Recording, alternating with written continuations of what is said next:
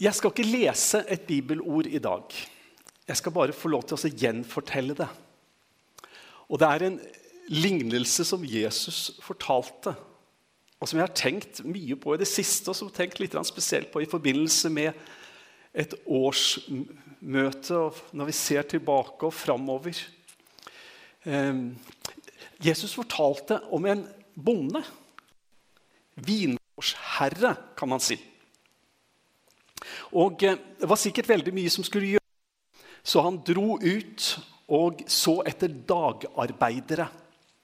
Og Så finner han en gruppe tidlig på morgenen, seks på morgenen, og blir enig med dem om kom og jobb i min vingård i dag, og dere skal få én denar.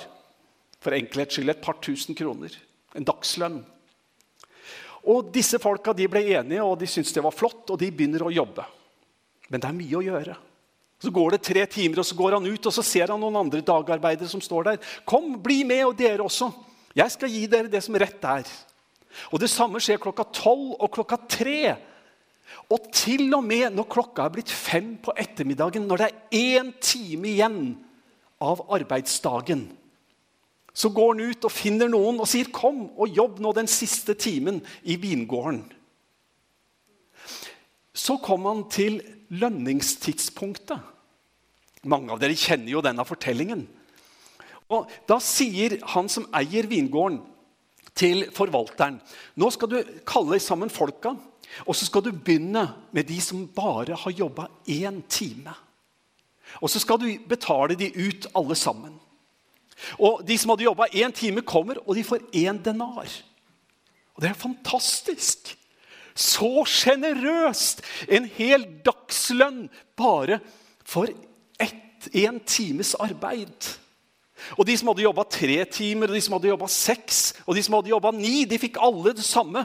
Og til og med de som hadde jobba tolv timer hele dagen, de tar imot penga, men er ikke veldig fornøyd. Vi hadde da virkelig tenkt at vi som har båret dagens hete, vi som har slitt og jobba hele denne lange arbeidsdagen, vi burde fått mer enn de som bare kom og var med én time. Og alt i meg sier selvfølgelig har de rett. Det der er jo ikke rettferdig i det hele tatt. Men så vet vi jo hvordan vingårdens herre argumenterte og sier men har ikke jeg lov til å gjøre hva jeg vil med mitt? Kan ikke jeg gi til hvem jeg vil, hva jeg vil? Det er en veldig merkelig lignelse. Det er en som egentlig er nesten verre, for å bruke det ordet. Det er fortellingen om disse to gutta som går til faren og sier, der den yngste sier 'Nå vil jeg ha min del av arven'. Og Så får han det. Og Så reiser han til et land langt borte med alt som ligger i det uttrykket. Han bryter helt med farens både etikk og moral og livsførsel, alt sammen. Reiser bort, skusler bort hele arven og kommer hjem fillete, sulten og mislykka. Vi kjenner vel den fortellingen også, mange av oss. Og da gjør faren noe som ikke helt går opp med vanlig matematikk og regning. Han slakter gjøkalven og sier han som var død, er kommet til live. Han gir han nye klær med alt hva det ligger i det av symbolikk. Han setter en ring på fingeren hans.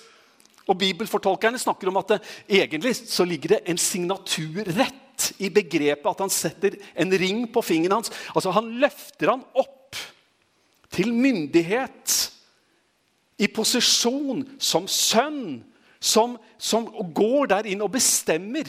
Enda Han hadde jo skusla bort alt sammen. Og Faren kunne si til den hjemmeværende eldste sønnen at alt mitt er jo ditt. Men nå setter faren denne yngste sønnen inn for å rå over det. Og det stemmer jo ikke helt. I hvilken grad i det hele tatt var farens, ikke sant? Vi møter en måte å tenke på som for oss er nokså fremmed. For vi er på mange måter opplært til at eh, vi må gjøre vårt beste, og det skal være en balanse og det skal være noe rettferdig. Og, Fra vi er små, må du jobbe skikkelig på skolen, da, sånn at du kan få gode karakterer.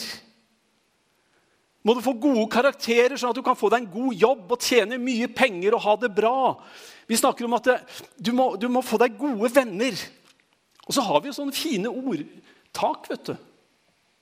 Som man rer, så ligger man. Og Det er bare en annen måte å si det på at det, det er din egen skyld hvis det ikke går deg så bra. Du får som fortjent. Du har deg selv å takke. Altså, alt fra vi er små, læres vi opp til å tenke Det er de skyld hvis det ikke går deg bra. Du må gi noe inn for å få noe ut. Og i bunn og grunn, dere Det er egentlig mye livsvisdom i det. Og jeg sier alt dette til mine si, barn og barnebarn. Men det er bare det at når vi kommer inn på det åndelige området, så blir det en litt annen måte å tenke på som er så vanskelig for oss å gripe. Og det er så vanskelig for oss å virkelig kunne tro det. For det som disse to lignelsene på en måte lærer oss, det er at La meg spissformulere det, da. Egeninnsats betyr ikke noe. Om du jobber én time eller tolv timer, lønna blir den samme. Når det gjaldt den fortellingen om eh, vingårdsmannen og, og de som jobba der eh, Det står jo i Matteus evangelium kapittel 20. I kapittel 19, bare noen få vers før, så, så leser vi om hvordan Peter sier at du, Jesus, vi har forlatt alt. Hva skal vi få? Det er på en måte litt av bakgrunnen for den fortellingen om vingårdsmennene. Vi har gjort så mye, Jesus! Hva skal vi få? Det er et fantastisk spørsmål. For dette må jo ha lønt seg. Jeg kan jo ikke ha gjort alt dette her for ingenting. Det skal vel ikke være sånn at de andre som kommer og jobber bare én time, skal få samme som meg? Så forteller Jesus denne lignelsen, og det er plassert der rett etterpå. Og Jeg tror vi trenger å ha to tanker i hodet på en gang når vi sier at egeninnsats ikke betyr noen ting. For jeg tror det betyr noen ting hvordan du og jeg forvalter våre liv. Jeg tror virkelig det betyr noe. Jeg tror det betyr noe om vi bare lever for oss selv, eller om vi er villige til å følge Jesu ord og så gi uten å kreve noe tilbake. Så vi må kunne klare å prøve å ha to tanker i hodet på en gang. Samtidig så er det sånn at når det gjelder frelsens gave, og når det gjelder liv i Gud, så er egeninnsats ikke verken nødvendig eller mulig. For nåden, den sier Jesus gjorde alt sammen på korset. Nåden sier det er fullbrakt. Nåden sier egeninnsats betyr null og niks. Nåden sier at det skal aldri bety noe med egeninnsats. Og dere, noen tenker at vi er frelst av nåde. Men etter at vi har blitt frelst, så har vi ansvaret sjøl for å vokte våre handlinger, hvor vi setter foten, hva vi tenker, hva vi gjør. Men du, nåden gjelder da vi ble frelst, og det gjelder livet ut. Vi er frelst nå. Og vet du hva? Jeg er så trygg på at jeg er frelst for evigheten. Så kan du spørre meg men kan du ikke vende Gud ryggen, da? Kan du ikke gå bort ifra Gud? Du må jo holde deg fast til Han. Du må holde deg nær til Han. Så kan vi kanskje legge det, så skal Han holde seg nær til dere, men betingelsen er at dere holder dere nær til Han. Jo da, jeg kan gå bort fra Gud. Men kan jeg stille spørsmålet annerledes? Kan jeg få lov til å stille spørsmål sånn som dette? kan Gud holde meg fast til seg? Er det mulig for Gud i hans allmektighet å bevare meg hos sin som, som sin og som sitt barn?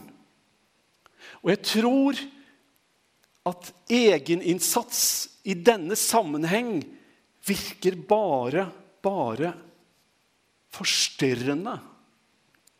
Du, om du har en gammel far og så går du og besøker han hver eneste dag. Og du vasker gulv, og du vasker klær, og du gjør innkjøp.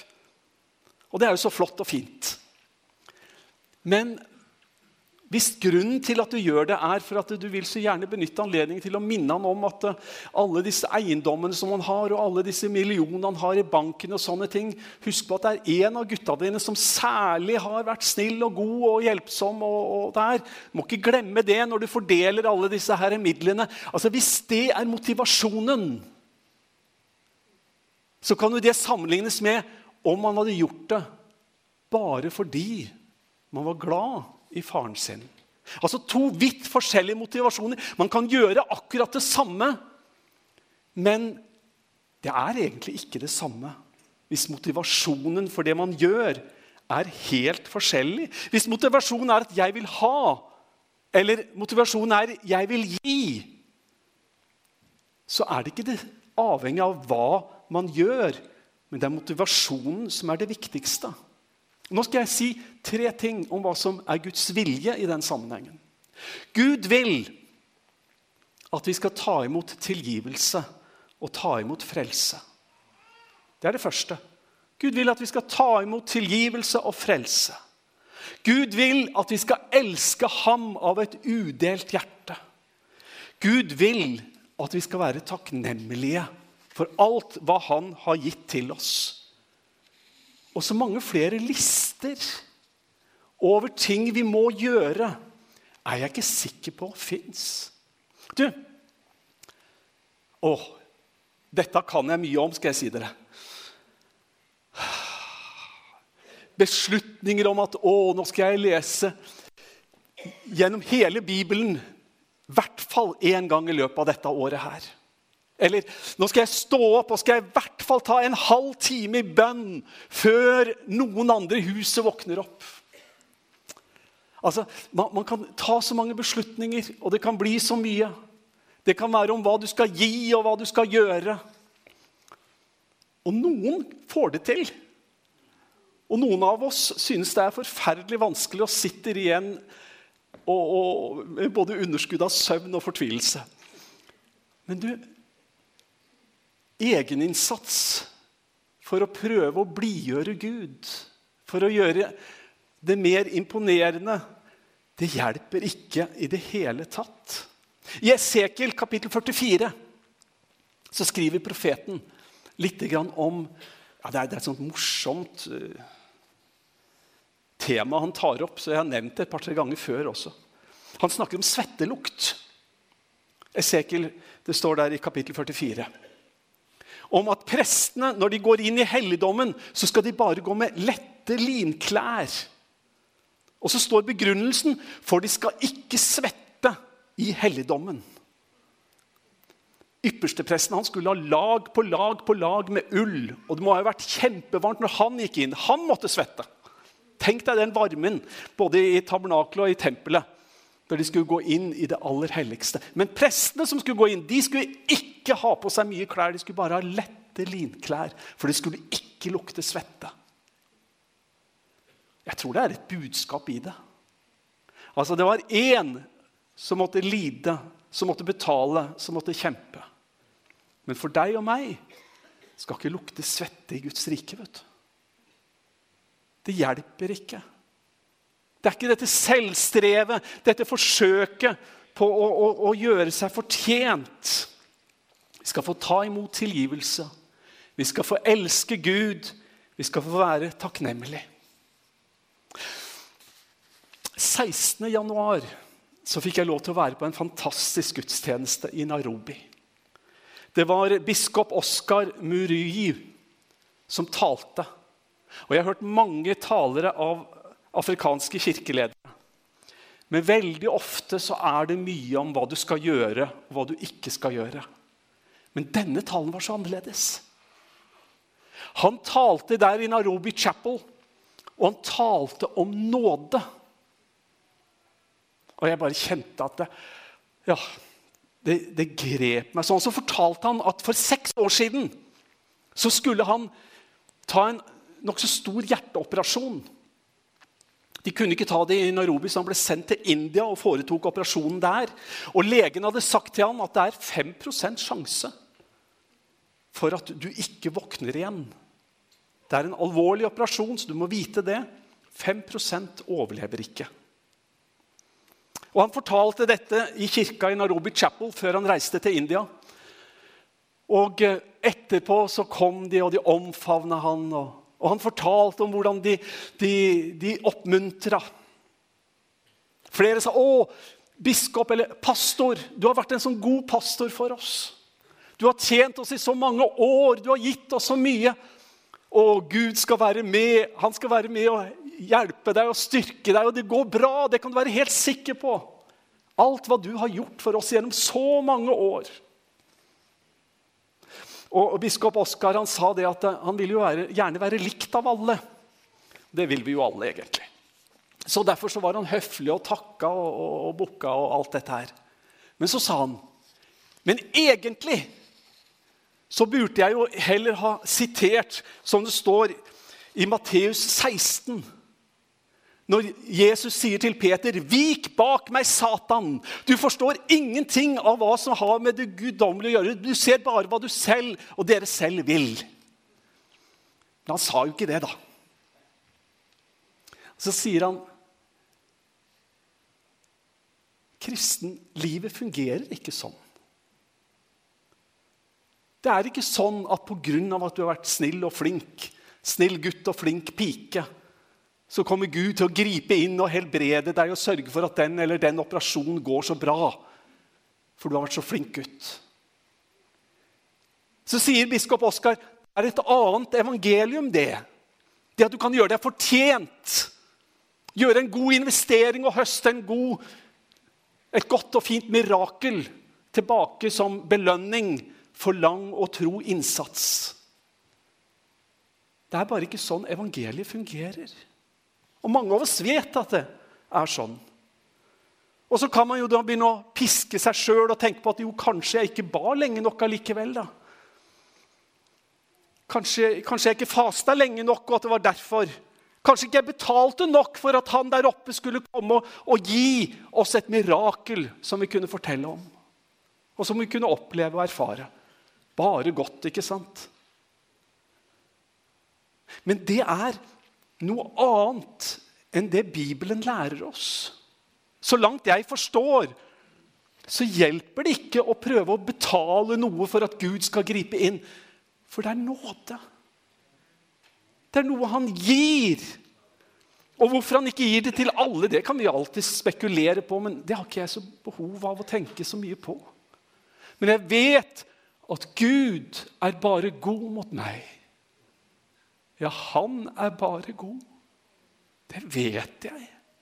Uansett hva som skjer rundt oss, så kan vi få lov til å tenke at jo, vi har en god Gud. Jeg tror ikke Gud sitter og bedømmer ut ifra hva vi fortjener. Om vi har jobba én time, tre, seks, ni eller tolv timer. Om vi har gjort oss fortjent til det eller det. Evangeliet er ikke sånn. Det er nåde. Og det går an å bevege seg bort fra nåden inn i en slags lovtrelldom der vi skal gjøre oss fortjent til alt mulig. Vet du hva? Du har ikke gjort deg fortjent til en eneste ting. Og i hvert fall ikke jeg. Men likevel så får vi lov til å kjenne det at han er med. Han er nær. Han kommer med sin kjærlighet.